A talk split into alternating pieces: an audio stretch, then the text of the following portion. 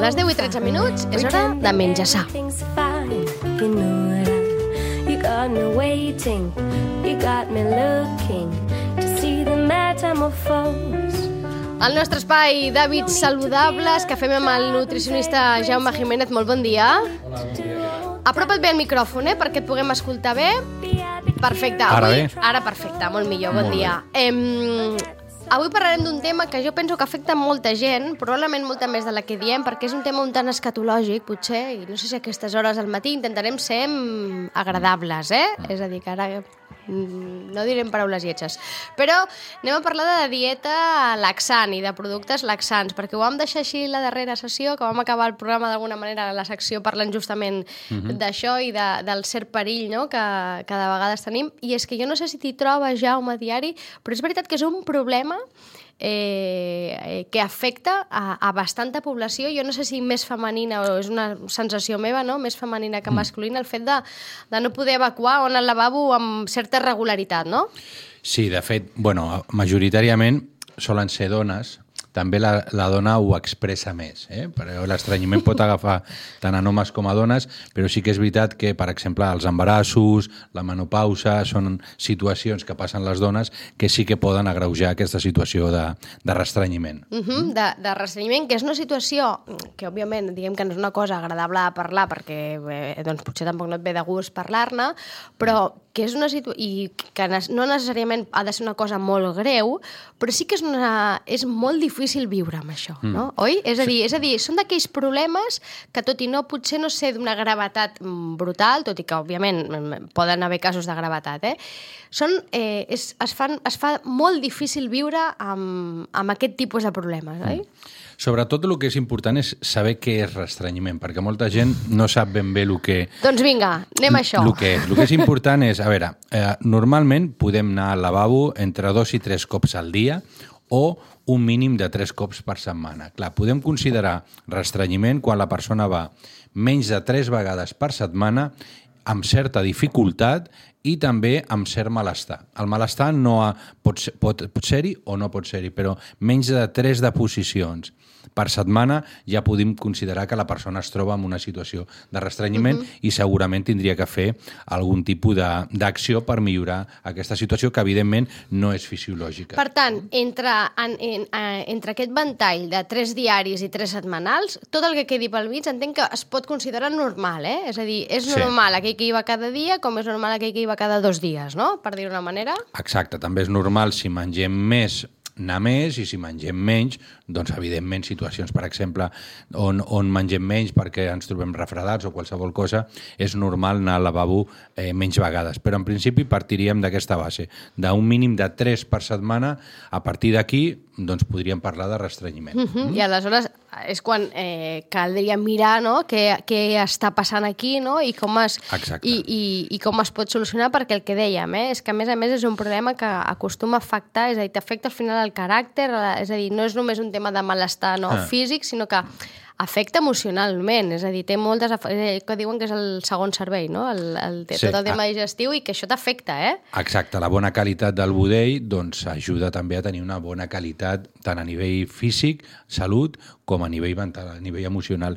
I sobretot el restrenyiment pot, pot venir, pot ser transitori, però també pot ser crònic. Moltes vegades pues, el sedentarisme, per exemple, o una alimentació molt rica en productes processats, baixa en fibra, a beure poc líquid, a certes medicacions, o sigui, hi ha moltes coses que poden provocar el restrenyiment. Llavors, el que és important és valorar tot i eh, poder incorporar, sobretot avui dia el que es fa eh, el que fa molta gent és no moure's lo suficient perquè la- l'activitat física no cal anar a córrer, sinó que la, la pròpia activitat física, caminar, millora el peristaltisme, que són els moviments intestinals, i això ja ajuda a poder anar al lavabo. Perdó. Per una altra banda, també augmentar la ingesta de líquid també és una bona solució, no? perquè molta gent doncs, no veu la suficient quantitat de líquid i per una altra banda, el que és més habitual és que la gent menja molt poca fibra. Aliments amb molt poca fibra i això al, al final acaba provocant que cada vegada costi més anar al lavabo. Si a més anem afegint, eh, a, com comentava, embarassos, uh, menopausa, doncs anem afegint factors que evidentment acaben provocant un problema. Clar, la gent diu, home, és que fa una setmana que no vaig al lavabo. Home, doncs potser no és una bona situació. I la gent moltes vegades no li dona, no li dona Importància, molta no? importància. No? Jo els hi dic moltes vegades eh, podem fer una prova a casa molt fàcil.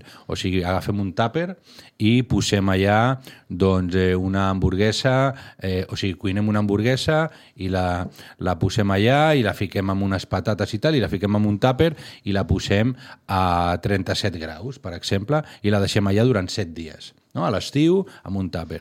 I després agafem doncs, eh, enciam o verdura de fulla i la posem en un altre tàper i la posem també a 37 graus. Bueno, doncs des, després d'una setmana obrim una i obrim l'altra i eh, només l'olor i el que veurem ens podem imaginar el que pot passar al nostre budell quan fa 6 o 7 dies que no anem al lavabo, no? perquè a vegades quan la gent veu allò diu, hosti, doncs això ho tens dintre. Llavors hem de tenir en compte que eh, és salut i això s'estan generant una quantitat de substàncies Tòxiques, eh, tòxiques molt nocives que, evidentment, això compromet molt la salut. O sigui, li hem de donar molta importància a tenir un ritme de posicional correcte. Per tant, em, el que dèiem, eh, tot i que d'entrada mm, no cal tampoc alarmar-se excessivament, sí que cal parar atenció, perquè té que haver una certa regularitat. Entenc, Jaume, que tampoc no és saludable que una setmana vagis dos, dies a, dos vegades a setmana, que la setmana següent vagis tres vegades al dia, és a dir, entenc que té que haver una certa constància també, no? Per, que, per, és a dir, per marcar d'alguna manera una bona salut intestinal. Exacte. També, moltes vegades, el ritme de posicional té ritmes eh, sincrònics, o sigui, hem d'acostumar també al nostre budell a anar al lavabo. Per exemple, eh, després de menjar sempre es produeix un, reflu un reflexe uh -huh. a nivell de, de, nervi, de nervi vago, d'acord? Uh -huh. que uh, ajuda a anar al lavabo. Llavors, la gent que normalment tingui dificultat, un bon moment és una vegada hem, hem acabat de dinar o de sopar, anar al lavabo, seure allà una estoneta i es, produeix aquest reflexe. Què passa? Que si acabem de menjar i ens anem a fer altres coses, perdem aquest reflexe. No? Llavors, no, no estem acostumant prou bé al nostre, al nostre cos a anar al lavabo regularment. Una altra cosa que molta gent pensa que és perfecta és prendre un cafè amb llet pel matí i anar al lavabo amb certa, descom amb certa descomposició. Ara no diré un cafè i un cigarro. I- I, ara bueno, aquí això- rima terrible, eh? Això ja és... és Però escolta, hi ha moltíssima gent que, Que- que fa pensa que servir això- això... com una mesura, eh? I, no, no, i que pensa que això És eficaç. normal i va com... I com un diuen, rellotge. Vaig com un rellotge. Sí, sí, t'ho diuen, és que jo vaig com un rellotge. Escolta, el cafè i el cigarret i pim-pam, tu. Però això no és un ritme de posicional correcte, perquè això està irritant molt el budell per algun motiu, sigui per la lactosa, sigui per la caseïna, eh, sigui per al tabac, sigui per... Hi ha coses que no s'han de considerar normals quan no són normals. Per tant, si acabem d'esmorzar eh, o prenem cafè i anem al lavabo de seguida, eh, això no podem considerar que sigui un ritme de posicional normal, perquè normalment la consistència sol ser més tova. Per tant, no estem parlant d'una evacuació correcta. És que ara m'ha vingut al cap d'algú que conec que diu és que jo no deixo de fumar perquè si no deixo d'anar al lavabo. Exacte, sí, sí. Tremendo. Però és que, és No, que no. l'ésser humà arribem a aquestes conclusions, eh? El ser humà és meravellós. és meravellós. Aquestes coses, per tant, Sí. no és un bon mètode aquest. És a dir, i si això passa d'una manera tan seguida, eh, probablement el que, el que estem, si tampoc no és de qualitat, diguem la defecació. Per tant, compte, eh? És a dir, compte, no, no ens quedem tranquils. L'objectiu no és només evacuar, no? sinó que fer-ho bé quan toca, no? I, i, i, I amb una consistència normal, ni molt dura ni molt tova. Aquesta és la consistència normal i amb una freqüència eh, correcta. Normalment la gent que va bé al lavabo tendeix a anar sempre amb, amb, amb la mateixa franja horària, no? normalment. Però bueno, pot haver-hi uh, diferències. Si vas moltes vegades, doncs cap problema. Però sobretot la consistència també ha de ser normal, perquè moltes vegades jo m'he trobat a, a, a gent a, a consulta que em diuen... Clar, perquè quan anem al lavabo, el que tu deies d'escatològic, no? Quan anem al lavabo, eh, quan ens netegem, hem de mirar el que netegem. Entre altres coses, perquè això surt És del que nostre... m'agafa el riure, m'agafa el riure. Clar, és que són les no. 10 i 23 i estic Clar. pensant, deu haver gent aquí amb el cafè amb llet I amb el vàter, hi haurà gent ara, mateix al vàter i també. nosaltres eh? aquí parlant de Exacte. caca, de caca. Exacte.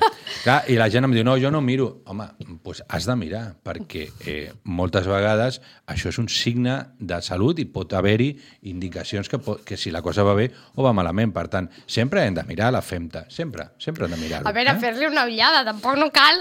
Sí, que bueno, a mi, quedem a mi m'envien fotos i m'envien de tot, eh? O sigui, no, m'ho puc sí, creure. Sí, home, Al ui. nutricionista se li envien fotos, però, però a petició teva. No, sempre. Home, jo no li dic... Home, sem... jo no li dic això, però moltes vegades veuen coses rares i fan una foto i, me- i me l'envien, no? Ai, Home, perdó. Potser, potser no és el Home, millor. Com que, si, si, no si cal. m'ho descriuen ja em val, saps? Sí, no cal, no cal fotos, però bueno, a veure... A veure A veure, pa- gent, suposo que algú que està Clar. patint, que està patint i Clar. diu, jo li envio la foto i, que ella i analitzi. exacte, que, i, que, i, i que em digui. Bé, això amb nosaltres mateixos potser no fem, amb els nens ho fem molt, perquè allò de, eh, típic de... Clar. He anat al lavabo, vale, i com és? Com és? Mira, I ens estaran de descriure, eh? És a dir, que... Una, una anècdota que jo tinc amb la, amb la meva filla, molt, molt, molt descriptiva, no? Era eh, quan ella ja començava a anar al lavabo sola, un dia va anar al lavabo i bueno, pues va fer caca i va venir perquè la netegessin perquè encara no tenia l'hàbit de netejar-se, no? I quan anem al lavabo la seva mare i jo, eh, mirem i, i mira ella i ens diu mossega, t'ho juro, t'ho juro, la meva filla Clàudia, o sigui, quan era molt petita, o sigui, imagina el que va veure allà, que, que preguntava si, si allò mossegava, no? O Pues sigui, va veure ja tots dos Sí, observant, sí, no? sí, sí. Observant, però Que en bo. qualsevol cas, que ara fem, tre- expliquem Que bo. aquestes anècdotes perquè, clar, hem de treure una mica de riure amb aquest tema, Sí, eh? home. Però eh, poca broma, que, que, que és seriós i que sí que és veritat que hem de tenir en compte i hem d'estar atents i vigilants de, eh, de, del Correcte. ritme, de, de com és, de, com són, de, de, si, hi les ha, si, quantitats... si hi ha aliments o no hi ha aliments digerits o no. Perquè entenc que també a través d'aquesta de les eh, evacuacions de les defecacions també un pot, eh, al final, acabar esbrinant si té algun tipus de, de... hi ha algun símptoma, algun trastorn, alguna intolerància, és a dir, això també eh, Clar. són, o sigui, és simptomàtic, no?, tot el manera. que surt del, tot el que surt del cos s'ha de, de, de mirar perquè és un indicatiu de com estem. I el budell és un òrgan super, super important per tot, per la salut física, però també, com tu deies, per la salut mental. Per tant, hem de tenir això en compte i si tenim restrenyiment hem de eh, buscar solucions per poder regular-ho. Evidentment, la gent que porti un estrenyiment crònic costarà més, però aquella gent que tingui certes alteracions és important que prenguin certes mesures. Però l'estrenyiment crònic es pot eh, curar d'alguna manera? És a dir, se supera? Depèn de la causa, perquè hi ha problemes de colon molt, uh -huh. molt llarg, depèn una mica de quin sigui la causa, però si, si la causa és hàbits, evidentment que es pot millorar. Doncs evidentment. vinga, anem a les solucions. Anem a, a, a les solucions que, i a més aquí, d'aquí lliguem una mica amb la darrera secció, eh, que justament Sí. vam acabar parlant de compte amb tots aquests productes que ens venen i que oferten i que s'anuncien per la televisió, mm. faves de fuques i coses d'aquestes, Sí. pastilles que més et diuen són, és tot natural, tots productes naturals, compte amb això, no? Perquè moltes vegades el que produeixen és com un efecte laxant, no? I entenc que això tampoc... Forç- forçat. forçat i tampoc no és saludable. Deies la setmana passada que això el que feia era irritar d'una manera molt Exacte. forçada no l'intestí, no? Exacte. A veure, el primer que hem de fer és els hàbits de vida i d'alimentació, per suposat, no? El primer, augmentar el consum de fibra, aliments, sobretot fibra soluble e insoluble, eh? O sigui... Com ara per- què? Posa'ns exemples. Per una banda, eh, tot el que són productes vegetals són rics en fibra. -huh. Si incorporem, per exemple, la, la pell de la fruita, també estem incorporant eh, fibra insoluble. Si incorporem cereals integrals, també tenen un efecte. O sigui, és molt important que trobem un equilibri entre fibra soluble i fibra insoluble. Després, el tema dels líquids, que no cal que sigui aigua. Poden ser infusions, poden ser caldos. D'aquesta manera uh -huh. també estem ajudant a fer més, eh, més massa fecal. Uh -huh. Per una altra banda, tenim el consum de greix, evidentment no, no excessiu, però l'oli d'oliva té un efecte també lubricant. O, ojo, cuidado amb aquestes pautes d'alimentació on treuen tot el greix, perquè al final acaben provocant, a part de deficiències de vitamines i de minerals, també acaben provocant restrenyiment, no? Després hi ha abús de certs aliments, el pa de motlla, per exemple, la bolleria, tot això i l'arròs blanc també poden provocar. I també aliments que són saludables, però cuidado, la gent que tingui restrenyiment i prengui molta pastanaga cuita, perquè la pastanaga cuita és molt saludable, però també té aquest efecte una mica més de, de restrenyiment.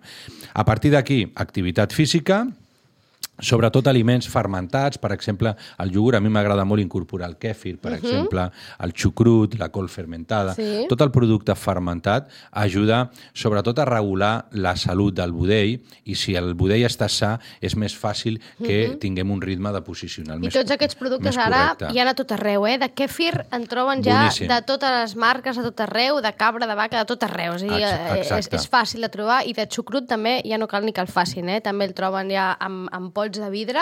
Amb preus sí, raonables. Exacte, amb Mhm. preus, em, sí, exacte, més o menys raonables, per tant, és d'alguna manera fàcil d'aconseguir, eh?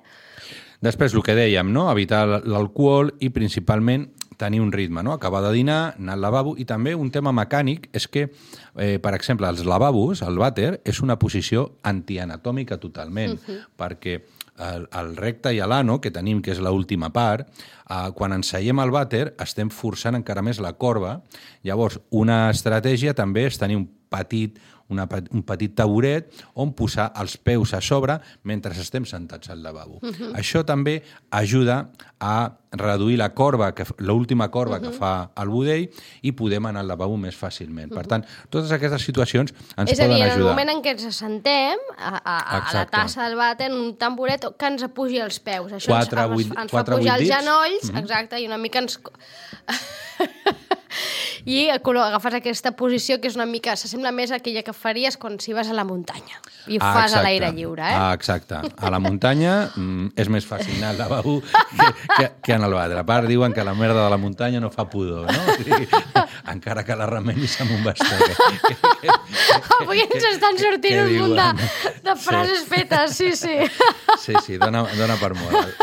Les caques. Eh, Dona, dona, dona, dona i tant si dona el tema. Et volia preguntar també, abans has parlat de, mm, eh, de, la, po, de la pastanaga, perdó, no sé quin, quant de mite hi ha també en tots aquests aliments. Per exemple, de la poma també s'ha parlat moltes vegades que la poma és un astringent, no sé si ho és o no. Ara Bueno. parlaves de la, de la pell de la fruita, no? No sé si, per exemple, menjar mm, poma, home, potser no cinc pomes al dia, però que menjar-te una poma amb pell, fins a quin punt és realment astringent o provoca restrenyiment o no? Sobretot, la poma eh, pot ser més, més astringent si la mengem sense pell. La pell és fibra insoluble, per tant, si jo preferiria altre tipus de fruita, per exemple, però, però menjar poma, evidentment, és molt saludable, igual que menjar pastanaga. Si amb tot això no és suficient, evidentment podem recórrer a algun tipus de producte tipus laxant, però insisteixo, el primer que hem de fer i provar-ho durant un temps és totes aquestes recomanacions que hem fet. Això ha de ser la primera opció. I en el cas de que no sigui suficient, podem valorar l'opció d'altres productes específics, però cuidado perquè ja parlàvem de que hi ha molt producte laxant que al final el que provoca és una irritació del budell i al final acaba provocant una atonia, o sigui que ja no funcioni i encara agreugi molt més el tema del restrenyiment. Sí, a més a més, tots aquests, molt de- sí, tots aquests productes que venen, normalment aleshores el que fas acostumar el cos a que per anar al lavabo necessites allò. I eh, Exacte. al principi comences amb una pastilleta, després en necessites dues, perquè de sobte una setmana no sé què passa, avui no funciona, me'n prenc dues. Sí. Clar, arriba un moment en què mm, estàs com forçant la màquina d'una manera molt forta. I jo no sé si també és Mm. interessant dir que deies, primer hem de provar això, no? aquests canvis d'hàbits, no? Sempre, és a dir, moure's, sempre. moure el cos, fer exercici, activitat física, que això sempre va molt bé perquè fa moure Mm. els budells, augmentar la ingesta de líquids, de tot tipus de líquids, infusions, caldos, més enllà de, de l'aigua, i augmentar la ingesta de fibra, no? De fibra soluble i insoluble. Correcte. Però quant de temps més o menys hauríem de fer això per començar a notar canvis? Perquè, clar, aquesta és l'altra cosa, no? que volem que els canvis siguin demà. És a dir, avui menjo, avui faig això i demà ja estaré bé. Entenc que no, que això és un procés, no? A veure, hi ha gent que de seguida millora. Hi ha gent que de seguida millora. El que passa que, clar, gent, per exemple, que ha abusat de laxants durant molt de temps o té estrenyiment crònic durant molt de temps o no ha pres aquestes mesures, evidentment és variable, és molt depenent, no? perquè també l'estrès és un factor que agreuja molt, o sigui, el, el, no hem parlat d'això, però també l'estrès, el no dormir correctament, són altres factors que també impacten molt negativament. Per tant, també hem de corregir el tema de les preocupacions, l'estrès, dormir suficient i a partir d'aquí valorar, però és molt, és molt depenent de, de cada persona. Però, jo, però vamos, l'experiència que jo tinc és que amb aquestes pautes d'alimentació, entre un i tres mesos es pot regular la gran majoria de situacions de restrenyiment. Eh? Que després pensin que això és una mica un peix que es mossega la cua, eh? Clar. Quan un no dorm bé, moltes vegades també és perquè no s'alimenta bé, no descansa bé, això li genera estrès, és a dir, mm. aleshores no està cansat i no vol anar a fer exercici perquè va cansat perquè no ha dormit prou bé, fins que un dia aconsegueixes canviar una mica aquesta roda, no? I Exacte. fas l'esforç, vas a caminar o vas a córrer o vas a fer exercici, et mous una mica i aquell dia estàs més cansat, dorms una mica millor i tot comença a col·locar-se. A col·locar-se. Em, per acabar, em, em, em, propostes d'aquestes eh, naturals, diguem, i que, mm. de l'àvia, d'aquestes de l'àvia de tota la vida, no? De la pruna en aigua, tot això. Funciona tot això? Sí, i Sí. tant. Mira, a veure, de laxants hi ha diversos. El que jo recomanaria serien laxants formadors de massa, perquè al final són laxants principalment fets de fibra. D'acord? El glucomanano, per exemple, uh -huh. s'hidrata el budell, augmenta el bolus fecal i això estimula el peristaltisme. Tindríem que utilitzar aquest tipus de, de, de, laxants en el cas que no ens funcionin les pautes que hem dit. Després hi ha altres laxants que són de tipus mòtic, que augmenten el líquid que hi ha al budell, llavors les deposicions són una miqueta més, eh, estan més hidratades. Per exemple, el carbonato de magnesi. El carbonat de magnesi pot ser una solució, però insisteixo, han de ser algo puntual i sempre eh, que no funcionin les altres pautes. Com tu em deies, el remei casolà més típic, podem deixar en remull unes 5... Eh, com és tiruela? Pur, pruna, pruna, pruna sí. Hosti, perdó. Unes 5 prunes en un got d'aigua durant unes 12 hores aproximadament. Després d'això ens les mengem i bevem l'aigua en dejú o abans d'anar a dormir. Això té un efecte laxant bastant, bastant important.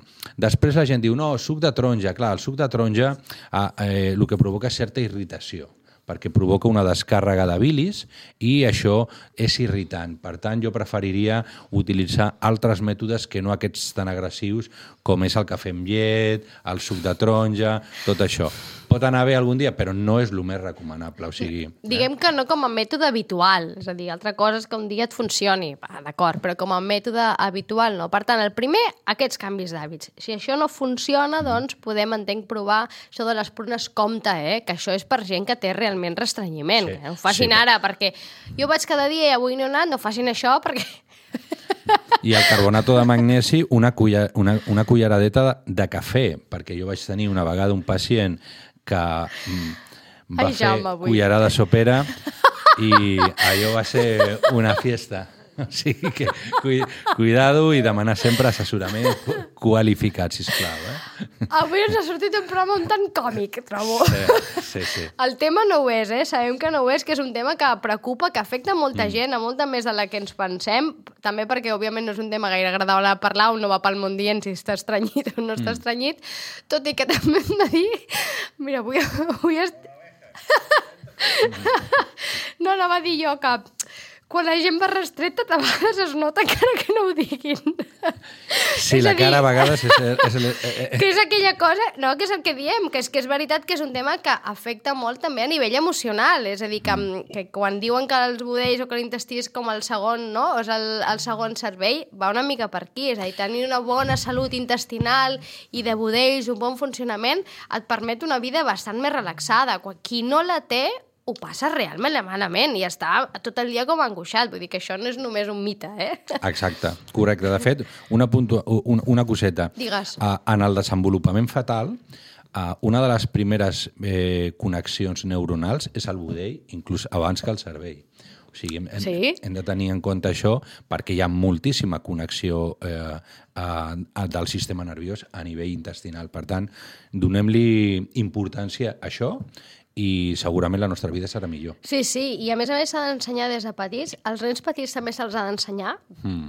a, a, a anar al lavabo, és a dir, sí, Sí. que és quelcom biològic i que òbviament ells comencen a fer-ho doncs, amb els bolquers i tot plegat, però arriba un moment en què s'ha d'ensenyar i no tots els nens ho aprenen fàcil i a la primera. Eh? Aquí entra, hi ha un aspecte emocional molt potent al darrere mm, que també s'ha d'ensenyar. Per tant, és un tema que, que és veritat que ens genera certa gràcia per aquella cosa de, de que és un punt escatològic, però és un tema realment important i que mm, també tots ho fem, mm, tots ho hem de fer, no? O sigui, ens afecta el 100% de la població, això, eh? És a dir... Si algú fem és menjar i cagar. Doncs vinga, ho deixem aquí, Jaume. Moltíssimes gràcies, com A sempre. vosaltres, molt bé. Adéu-siau.